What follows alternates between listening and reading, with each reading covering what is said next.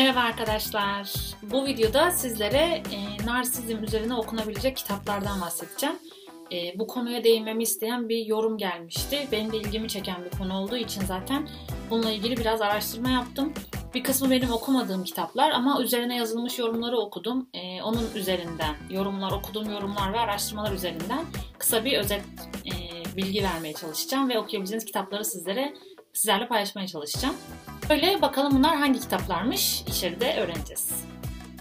Kurtlarla Koşan Kadınlar arkadaşlar. Sondan bir önceki kitabımız zannediyorum. Hemen bakıyorum son kitabımız mı? Evet sondan bir önceki kitabımız arkadaşlar. Aa değilmiş ya iki tane daha varmış. O bayağı varmış.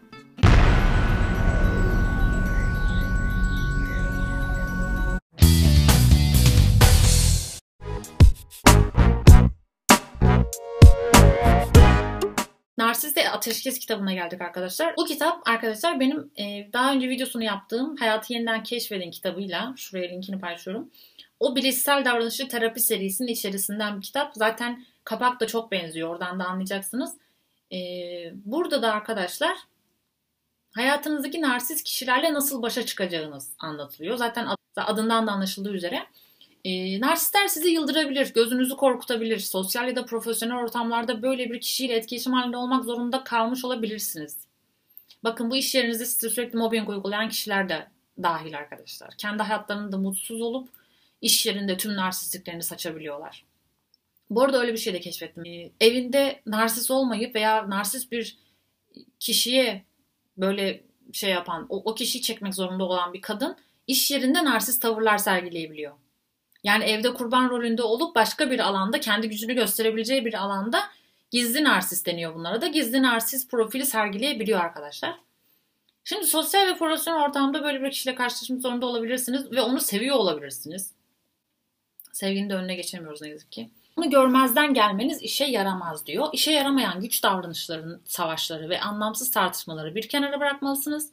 Hayatınızdaki narsistle işlevsel bir şekilde iletişim kurmanın ve ona kendinizi anlatmanın, ihtiyaçlarınızı karşılamanın bir yolunu bulmalısınız. Çünkü narsistle ilişkide ihtiyaçlarınız karşılanmıyor.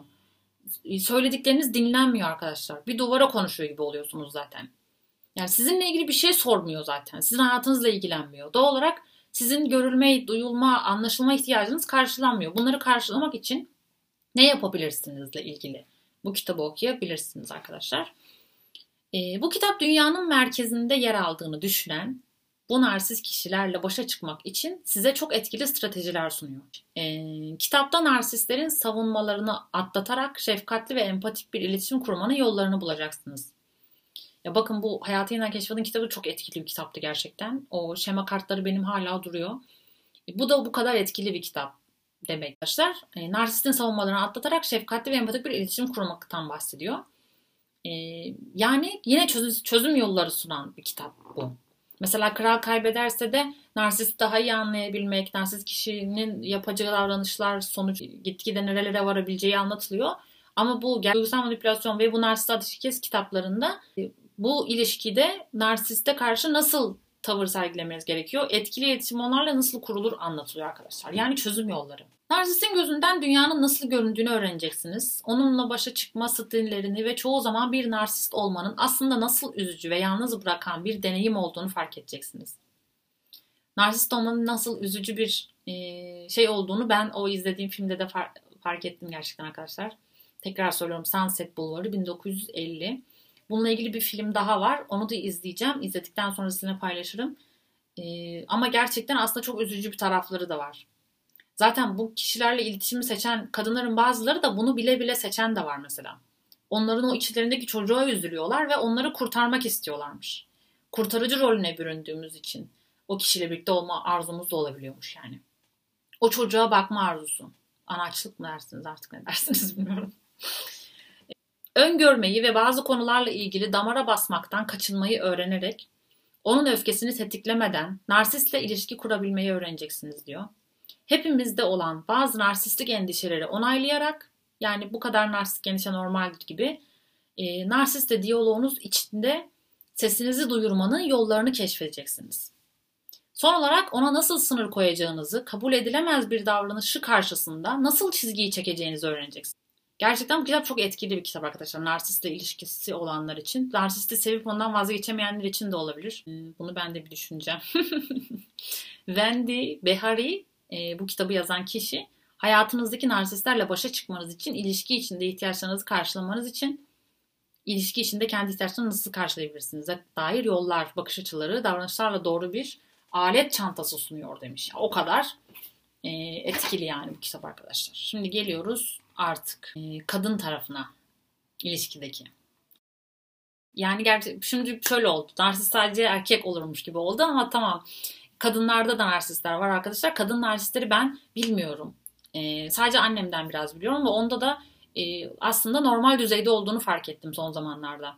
Kişilik bozukluğu olarak değil yani. E, bir insanda olabilecekten belki bir tık fazlalık kadar var.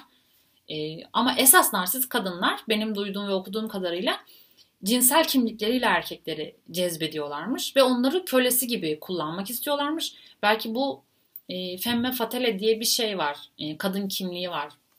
Erkekleri kölesi gibi kullanmayı seven, hep ilgi çeken, cazibeli falan. E, öyle bir kişi olabilir.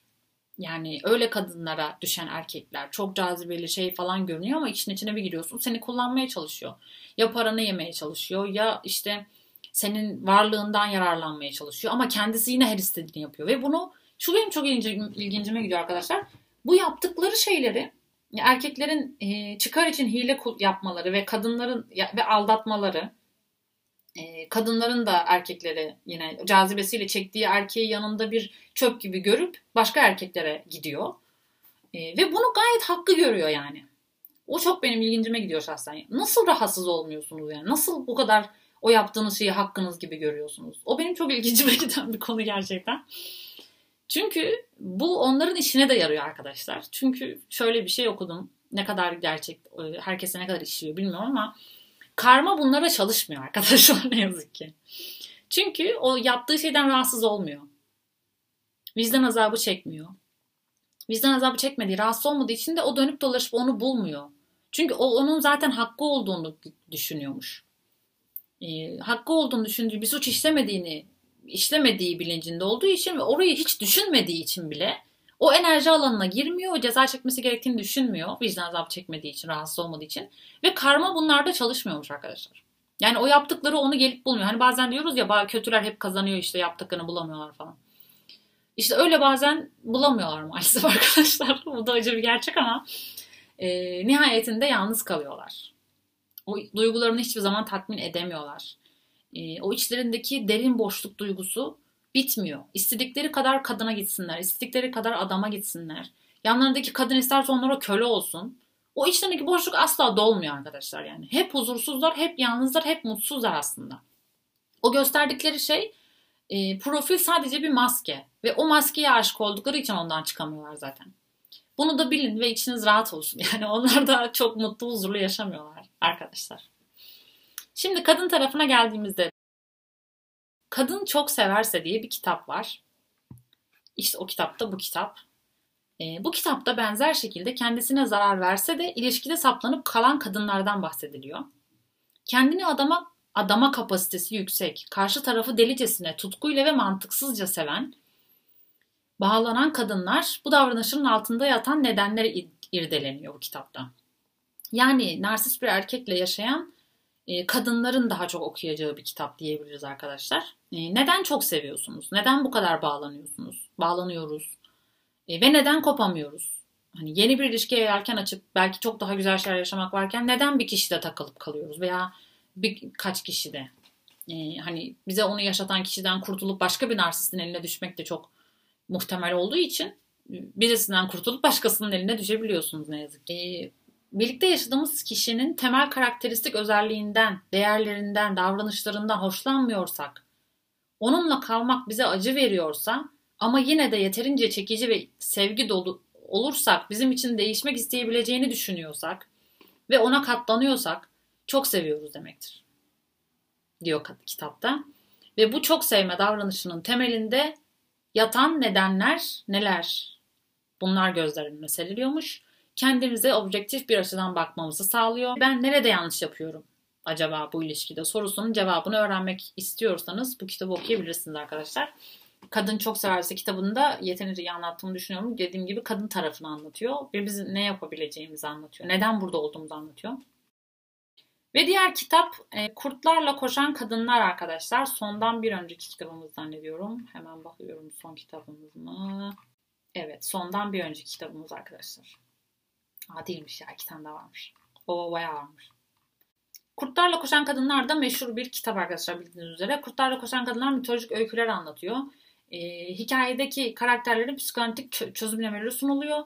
Bu çözümlemelerin temel mesajı ise kadınların kendilerinde doğuştan olan sezgilerin gücünü fark edip onun peşinden gitmeleri gerektiği. Bu durum bozulduğunda kaderlerinin ne şekilde olumsuz olaylarla şekillendiğini hikayelerde gözlemliyoruz. Burada mitolojik hikayelerle böyle aslında gerçekte yaşadığımız olayları abartılı karakterler ve yani metaforlaştırarak vermişler diyebiliriz. Sezgilerine güvenmeyip onların peşinden gitmeyen kadınların kaderlerinin ne şekilde olumsuz etkilendiğini bu olaylarla bizim gözümüze e, gözümüzün önüne seriyor arkadaşlar. Gözümüze sokuyor diyecektim. Olumsuz durumlar ve zararlı insanların her zaman var olacağı, bunlardan %100 kaçış olmayacağını, ancak kendi iç sesimiz doğru zamanda dikkate almayı, iç sesimize doğru zamanda dikkate almayı öğrenirsek kendi hikayemizi nasıl değiştirebileceğimizi anlatıyor. Yok edici bir kişi çoğunlukla kadının yaratıcı öz suyunu çalar. Bu çok doğru arkadaşlar ya. Narsist ilişkide olduğunuzda gerçekten kendinizden o kadar kopuyorsunuz ki. Yani ben ne işime odaklanabiliyorum, e, ne işimi geliştirebiliyorum, ne bu kanal için video çekecek motivem oluyordu. Yani böyle hep onu düşünüyorsunuz. Yani onu düşünüyorsunuz derken şüphe de bırakıyor sizi, beklendi de bırakıyor. Ee, nasıl diyeyim? Böyle çocuklaştırıyor, sizi de çocuklaştırıyor aslında. Biraz kendine benzetiyor. Sizin içinizdeki o çocuğu çıkartıyor çünkü. İçimizdeki o çocuk da küçükken terk edilmiş kız çocuğu olduğu için hep tetikteyiz. Hep tetikte olmak, güvensizlik, şüphe, beklenti bunlar sizin gerçek potansiyeline çıkmanıza engel oluyor. Bu kurt kitapta da işte gerçek potansiyeli çıkartmanıza yarayacak sezgilerinize zin peşinizden gitmeniz gerektiğini ve bu kişileri e, hayatınızda minimum düzeyde ilgilenmeniz, kanunlara minimum düzeyde kafa yormanız gerektiğini. Hı. Yok edici bir kişi çoğunlukla kadının yaratıcı öz suyunu çalar, onu kendi zevkine ya da kullanımına ayırır. Onun yaratıcılığını kendi zevkine ya da kullanımına ayırıyormuş. Bak, kadını solmuş, ne olup bittiğini anlamaz halde bırakır.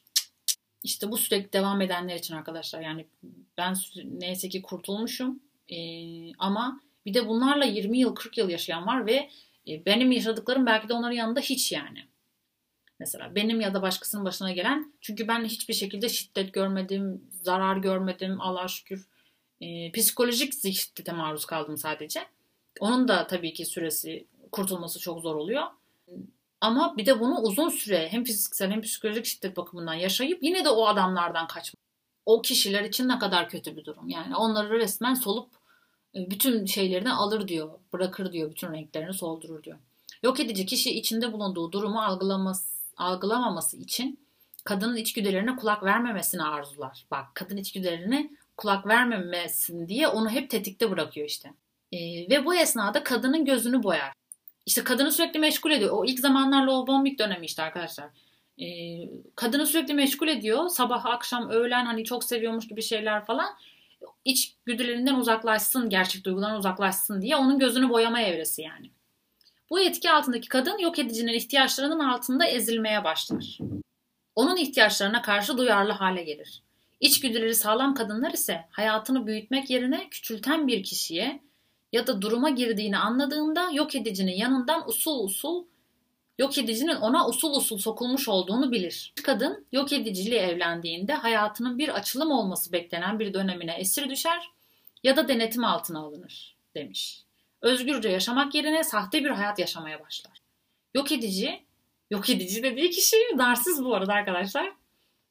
Yok edici diyor işte bu kurtlarla kuşan kadınların mitolojik metafor olduğu için yok edici diye geçiyor. Şey gibi Akgezenler gibi yani. O kadar metaforlaştırmışlar. Yok edici kadına aldatır ve aslında onu öldürmeyi planladığı halde bu içeride hikayeden bir konu. Ee, onu öldürmeyi planladığı halde şu ya da bu şekilde onu kraliçe yapacağı yönünde vaatlerde bulunur. Tüm bunlardan bir çıkış yolu vardır ama önce anahtara sahip olmak.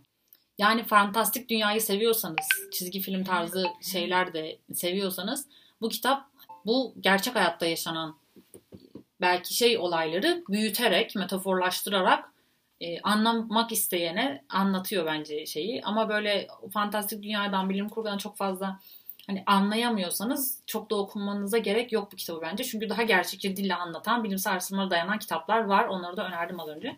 Bu biraz dediğim gibi metaforlaştırarak anlatmış arkadaşlar. Şimdi geldik günümüze. Asrın vebası narsizm olarak geçiyor. Bu Asrın vebası narsizm kitabı da arkadaşlar günümüz insanının narsizme yöneldiğinden bahsediyor. Neden? Çünkü sosyal medyada sürekli aktif olma, beğenilme arzusu taşıyoruz. Ve bu bizi gitgide narsizme yöneltiyor. İnsan ruhunun fast food'u diye tanımlanan narsizm kısa vadede kişiyi mutlu ediyormuş gibi görünse de er ya da geç depresyona, toplumsal yozlaşmaya hatta küresel ekonomik krizlere neden oluyor. Detaylı istatistiklere, vaka hikayelerine ve kamuoyu araştırmalarına dayanan bu kitapta narsizmin en az obezite kadar sık rastlanan bir hastalık olmaya başladığı ele alınmış. Şansımıza bak yani.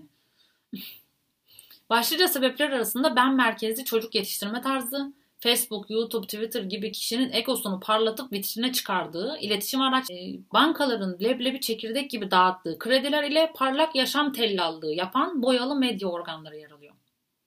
İşte o Sunset Boulevard e, filminde de arkadaşlar kadın aslında ikiden böyle değilmiş. 16 yaşında yıldız olmuş, film yıldızı olmuş. E, gitgide diyelim 30 yaşından sonra falan bu sektör medya sektörü kadını narsistleştirmiş. Medya sektörü kadını hasta etmiş yani. Şimdi de internet sektörünün bizi hasta ettiğinden bahsediyor kitapta arkadaşlar. Yani böyle sürekli kendi hayatını paylaşan YouTube'da gerçekten bazı içerikler o kadar saçma geliyor ki bana. E, günlük yaşantısı, günlük hepimizin yaptığı şeyleri yapan şeyleri paylaşıyorlar ve bunu milyonlar izliyor. Hani benim çok garibime gidiyor yani. Hani e, farklı bir şeyler yapan insanları izlemeyi anlarım da günlük senin yaptığın şeyleri yapan kişiyi izlemeyi ben anlayamıyorum gerçekten. Hani onu izleyen değil, izle e, izleten kişide sorun var. O niye kendi hayatını çekip paylaşıyorsun? Yani olay o.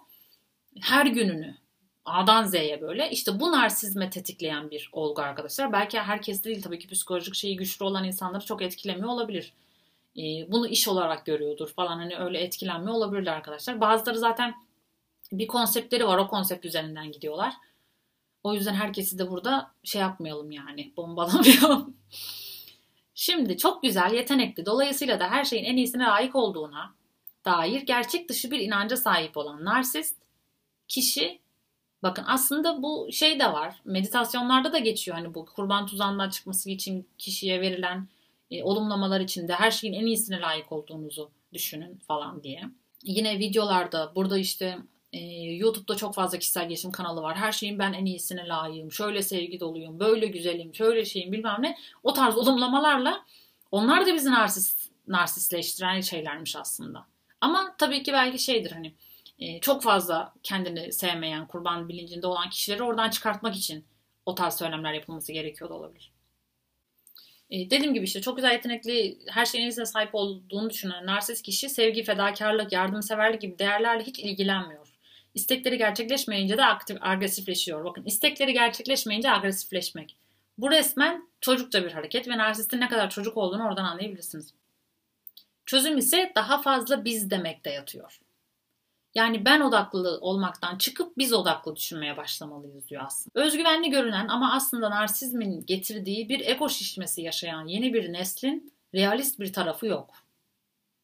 Onlardaki bu kaygı öfke olarak karşımıza çıkıyor. Narsizm ise yalnızlık olarak topluma yansıyor.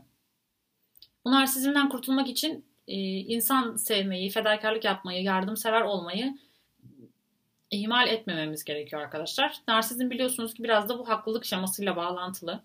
E, yani haklılık şemanız varsa bir tık narsist etkiler taşıyor olabilirsiniz ve bu sizi yalnızlığa sürüklüyor olabilir. Mesela sürekli yalnız kalmaktan çok hoşlanıyorsanız, hayatınıza biri girdiğinde ya da bir arkadaşla bile az bir vakit geçirdiğinizde böyle hemen yalnız kalma arzusu taşıyorsanız e, sürekli işte yine kendinize dönük, kendimizi şişirme, ego şişirme odaklı yaşıyoruz demektir.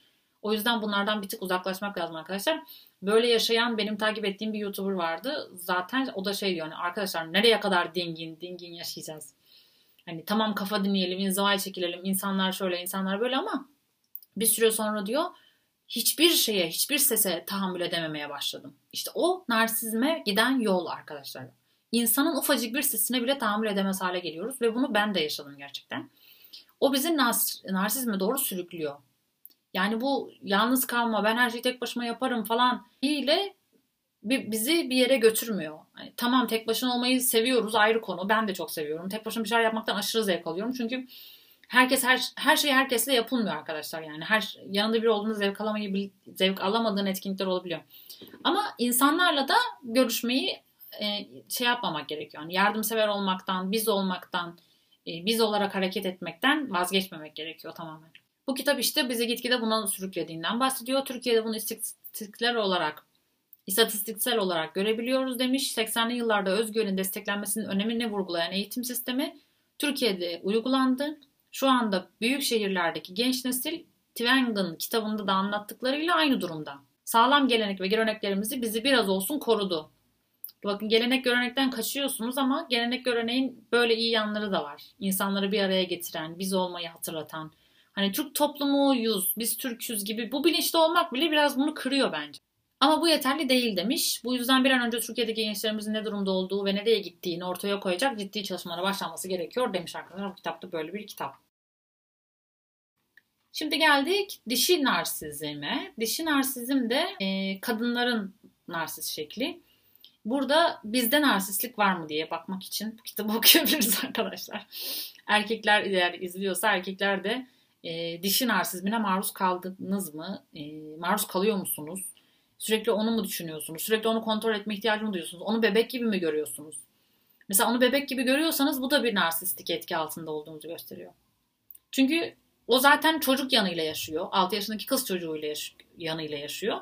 Siz de onu hep kontrol etme, koruma içgüdüsüyle yaşıyorsanız, o ilişkide öyleyseniz, bundan hoşnutsanız emin olun gitgide sizden kaçacak. Çünkü ne psikolog kanallarında izlediğim şeyle cümleyi size direkt aktaracağım. Ee, ne ebeveyn çocuk ilişkisi gibi ilişki yaşanan ilişkilerde bir süre sonra ebeveynden kaçmak ister çocuk. Kendisi büyür çünkü yetişkinleşir, bir şeyleri kendi yapabildiğini görer, görür ve o ebeveynden kaçmaya çalışır. Ebeveynle aşk ilişkisi yaşayamaz çünkü. E, o yüzden ebeveyniymiş gibi davranmayın kız arkadaşlarınız arkadaşlar. Şimdi size uyan hangisidir? E, aslında kendinizi güvensiz hissettiğiniz halde özgüven sahibi gibi mi gösterirsiniz? Bakın burada test bunları bu soruların cevapları kitabın içinde yani arkadaşlar. Soruları tek tek okuyorum altıda yazıyorum şimdi. Gerçekte kim olduğunuzu bilmediğiniz düşüncesine sahip misiniz? Kendiniz hakkınızda kanaatiniz aşağılık duygularından büyüklenmeci hayaller arasında gidip geliyor mu? Yani hem çok aşağılık duygular içinde giriyorsunuz hem de çok büyüklenmeci ben şöyleyim ben böyleyim gibi ya da böyle olmalıyım şurayı hak ediyorum gibi büyüklenmeci duygulara mı sahipsiniz? Görülmek ve sevilmek için özel olmanız gerektiğini mi düşünüyorsunuz? Hiçbir zaman kendinize karşı yeterince iyi değil misiniz? Bu bende de var gerçekten. Ee, kendinizi karşınızdakine hemen açıyor ve sonra da ne hissedeceğinizi, ne istediğinizi bilmiyor musunuz? İlişkilere özlem duyuyor ama birisi ciddi olduğunda da hemen kaçıyor musunuz? Partnerinizi zayıf olduğunda ve hata yaptığında onu hala seviyor musunuz demiş. Arkadaşlar bunları okuduk. Bu cümleleri duyduktan sonra siz de anlamışsınızdır ki hem dişi narsizme giden bir şey var hem de o kadının kurban tuzağında olma sonucu da çıkacak. Yani ya kurban tuzağındasın ya narsiz, narsist etkiler taşıyan bir dişisin. Bunlardan hangileri sizde var? Ve bunlar ilginizi çektiyse bu kitabı da okuyabilirsiniz arkadaşlar. Bu da dişi narsizmde. Şimdi son iki kitaba geldiğimizde e, bir tanesi narsizm ve borderline kişilik. E, borderline kişilik de biliyorsunuz iki uçta yaşayan kişilik. Ben buna bazen kendimi görüyordum. Acaba olabilir miyim falan diyordum ama psikoloğa çok fazla gittiğim için öyle bir şey olsa ortaya çıkardı diye düşünüyorum. Klinik veriler ışığında narsistik ve borderline kişilik bozukluklarını inceleyen G.F. Masterson e, terapi süreçleri uzun zamanlı ve çok güç olduğundan güç olan pardon terapi süreçleri çok güç olan bu tür hastalıklara bakan terapistlere uygulamalarla desteklenmiş kuramsal açılımlar sunuyor bu kitapta. Narsistik ve borderline hastalıkların en belirgin niteliklerinin ne olduğunu bu kitapta anlatıyor ve betimliyor ve terapistlerin çetrefilli uğraşlarında önemli bir yol haritası ortaya koyuyor. Yani bu hastalıklarla mücadelede terapistler nasıl yol izliyorlarmış? E, bunları bu kitapta anlatıyor arkadaşlar. Öyle bir öyle ki kitapta borderline kendilikteki yetersiz duygusal yatırımdan narsistik hastada görülen kendiliğin patoloji aşırı yatırımına Yani ya kendine yetersiz duygusal yatırım yapıyorsun, kendine duygusal olarak bakmıyorsun, yetiştirmiyorsun kendi duygusal olarak ya da diyor narsistik hastada görülen kendiliğin patolojik aşırı yatırımı. Yani kendiliğinden uzak patolojik biliyorsun bozukluk e, farklı bir şekilde kendiliğinden farklı bir şekilde aşırı yatırım. İşte o başka kitabı anlatırken anlattığım diğer e, kendisini beslediği o diğer kişiliği besliyor. Ona yatırım yapıyor. Kendi özüne dönmektense o maskeyi kullanmak için maskeye yatırım yapıyor. Bunlar tasvir ediliyormuş ve çok güçlü bir şekilde geniş bir çerçevede anlatılıyormuş. E, merak edenler için bu kitapta e, böyle bu şekilde arkadaşlar. Ve son olarak Senden Kurtuluş Yok mu? kitabı. Narsist kitap, narsist insanlardan nasıl çıkabilirsiniz? Onların şeyinden nasıl kurtulabilirsinizle alakalı daha çok. Narsist biriyle birlikte olduğu için yeterince iyi olup olmadığını düşünerek ilişkisini sürdüren, bakın bu da çok önemli bir konu. Narsist biriyle birlikte olduğunuzda gerçekten hep yeterince iyi miyim? Ee, ay şuram eksik mi? Ay şuramda şu var. Her şeyini böyle mükemmel yapmaya çalışıyorsun. İlişkisini sürdüren, gerçekleri çok geç fark eden, boş aynasını kendisine yansıtma fırsatı bulduğu ilk anda içinde çalan siren seslerini duyan, bakın hep benzer şeylere denk geliyoruz gene. Boş aynasını kendine yansıtma fırsatı bulduğu ilk anda. Yani bu kadın da arkadaşlar hiç kendini görmüyor demek oluyor. Aynaya baktığında kendine e, bakmıyor aslında. Kendinden uzak bir profilde yaşıyor. Narsist biriyle birlikte olduğunda. Çünkü hep o kendini tamamlamaya çalışıyor. O narsistin istediği şekilde olmaya çalışıyor. Ve kendini gör, gördüğünde içinde çalan siren seslerini duyar diyor. O işte belki de o içinde küçükken terk edilmiş kız çocuğunu tetiklediği için narsistler onu görmeye başladığında şifalanmak da başlar diyor. Ve artık kalemi eline alıp bireysel tarihini yeniden yazmaya başlar diyor. Bu kadınlar için yazılmış bu kitap. Yani ben artık kendimi gördüm, zayıf yanlarımı da gördüm, e, şifalanmak istiyorum ve narsistlerle birlikte olmak istemiyorum diyorsanız, böyle bir kadınsanız e, bu kitap sizin için uygun olabilir arkadaşlar. E, şimdi buradan bir şey okuyorum. 20'li yaşlarımın henüz başında tanıştığım, ilk andan itibaren başımı döndüren, büyük bir aşkla bağlı olduğum eşimin bir narsist olduğunu ve oğlumla birlikte beni sadece kendi ihtiyaçlarını karşılamak için kullandığını fark ettiğimde artık her şey için çok geçti. Duygusal olarak yeterince istismar edilmiştik ve buna artık devam etmemeliydik. Boşanma süreci boyunca yaşadıklarımı bir tarafa bırakırsam kendime sorduğum o tek soru travmamı iyileştirebilmem için bir yol haritası sundu. Bu kitap demiş. Senden kurtuluş yok mu? Narsizmin neden olduğu duygusal zararı tanımak ve iyileştirmek için adım adım bir program sunan bu kitap Dr. Carly McBride'ın hem kendiniz hem çocuklarınız için yapabileceklerinizi sıraladığı bir rehbere dönüşüyor. Yani arkadaşlar bu kitap da çok rehber niteliğinde. Bunu neden sonda verdim? Çünkü bu kitapları arkadaşlar bence bu sırayla okumak daha iyi. E, narsizm hakkında derinlemesine bir okuma yapmak istiyorsanız önce ne olduğuyla ilgilenip daha sonra ilişkilerde nasıl e, kendini gösterdiğiyle ilgilenip e, ilgili kitaplarla ilgilenip en sonunda da kendinizin artık şifalanma sürecine girdik. Kendinizi travmanızı iyileştirmek için yani o ondan koptuktan sonra ya da kopma sürecinde iyileşme aşamasında neler yapabileceğinizi anlatan bu son kitapla konuyu bitirebilirsiniz diye. Umarım herkes bu konuda iyileşmesini sağlar ve bu kişiler hayatınızdaysa ya onlarla ilişkinizi normal bir seviyeye çekebilirsiniz umarım. Çünkü seviyorken kopmak da zor oluyor biliyorum. Kopun gidin demeyeceğim kimseye desem de bana ne yani benim söylememle kimseye bir şey yapacak hali yok. Ee, yani ondan kurtulmak gerekiyor diye bir şey yok bence. Sonuçta hani hep böyle bütün narsistler çok kötü gibi algılıyoruz ama onların da çocuk tarafı var. Hani eğer seviyorsanız kopamıyorsanız onlarla ilişkiyi düzeltmenin bir yolu var diyor yani. Onlar size gösterdiği kötü tarafları belki de onların aslında kötü tarafları değil. Hani bir söz vardır. E, her kötü bir insan aslında zamanında acı çekmiş. Çok acı çekmiş bir insandır. Bir zamanlar hırpalanmış, acı çekmiş insanlar aslında bugünün kötüleri oluyor. O yüzden eğer e, vazgeçemediğiniz bir ilişkideyseniz onu düzeltmenin de yolları bu kitaplarda mevcut arkadaşlar. Narsizm hakkında konuşmalarım, e, söyleyeceklerim bu kadar. Bulduğunuz ve yorumlamak istediğiniz kitap varsa lütfen yorumlar kısmında ya, kendi tecrübelerinizi de paylaşabilirsiniz. Aynı soracak sorularınız varsa onları da yorumda yazabilirsiniz. Kanalıma abone olmadıysanız lütfen abone olun. Abonelerin, izlemelerin çoğunluğundan %70'i abone olmayan kullanıcılardan olduğu gözüküyor. Beni izlediğiniz için teşekkür ederim. Bir sonraki videoda görüşmek üzere. Hoşçakalın.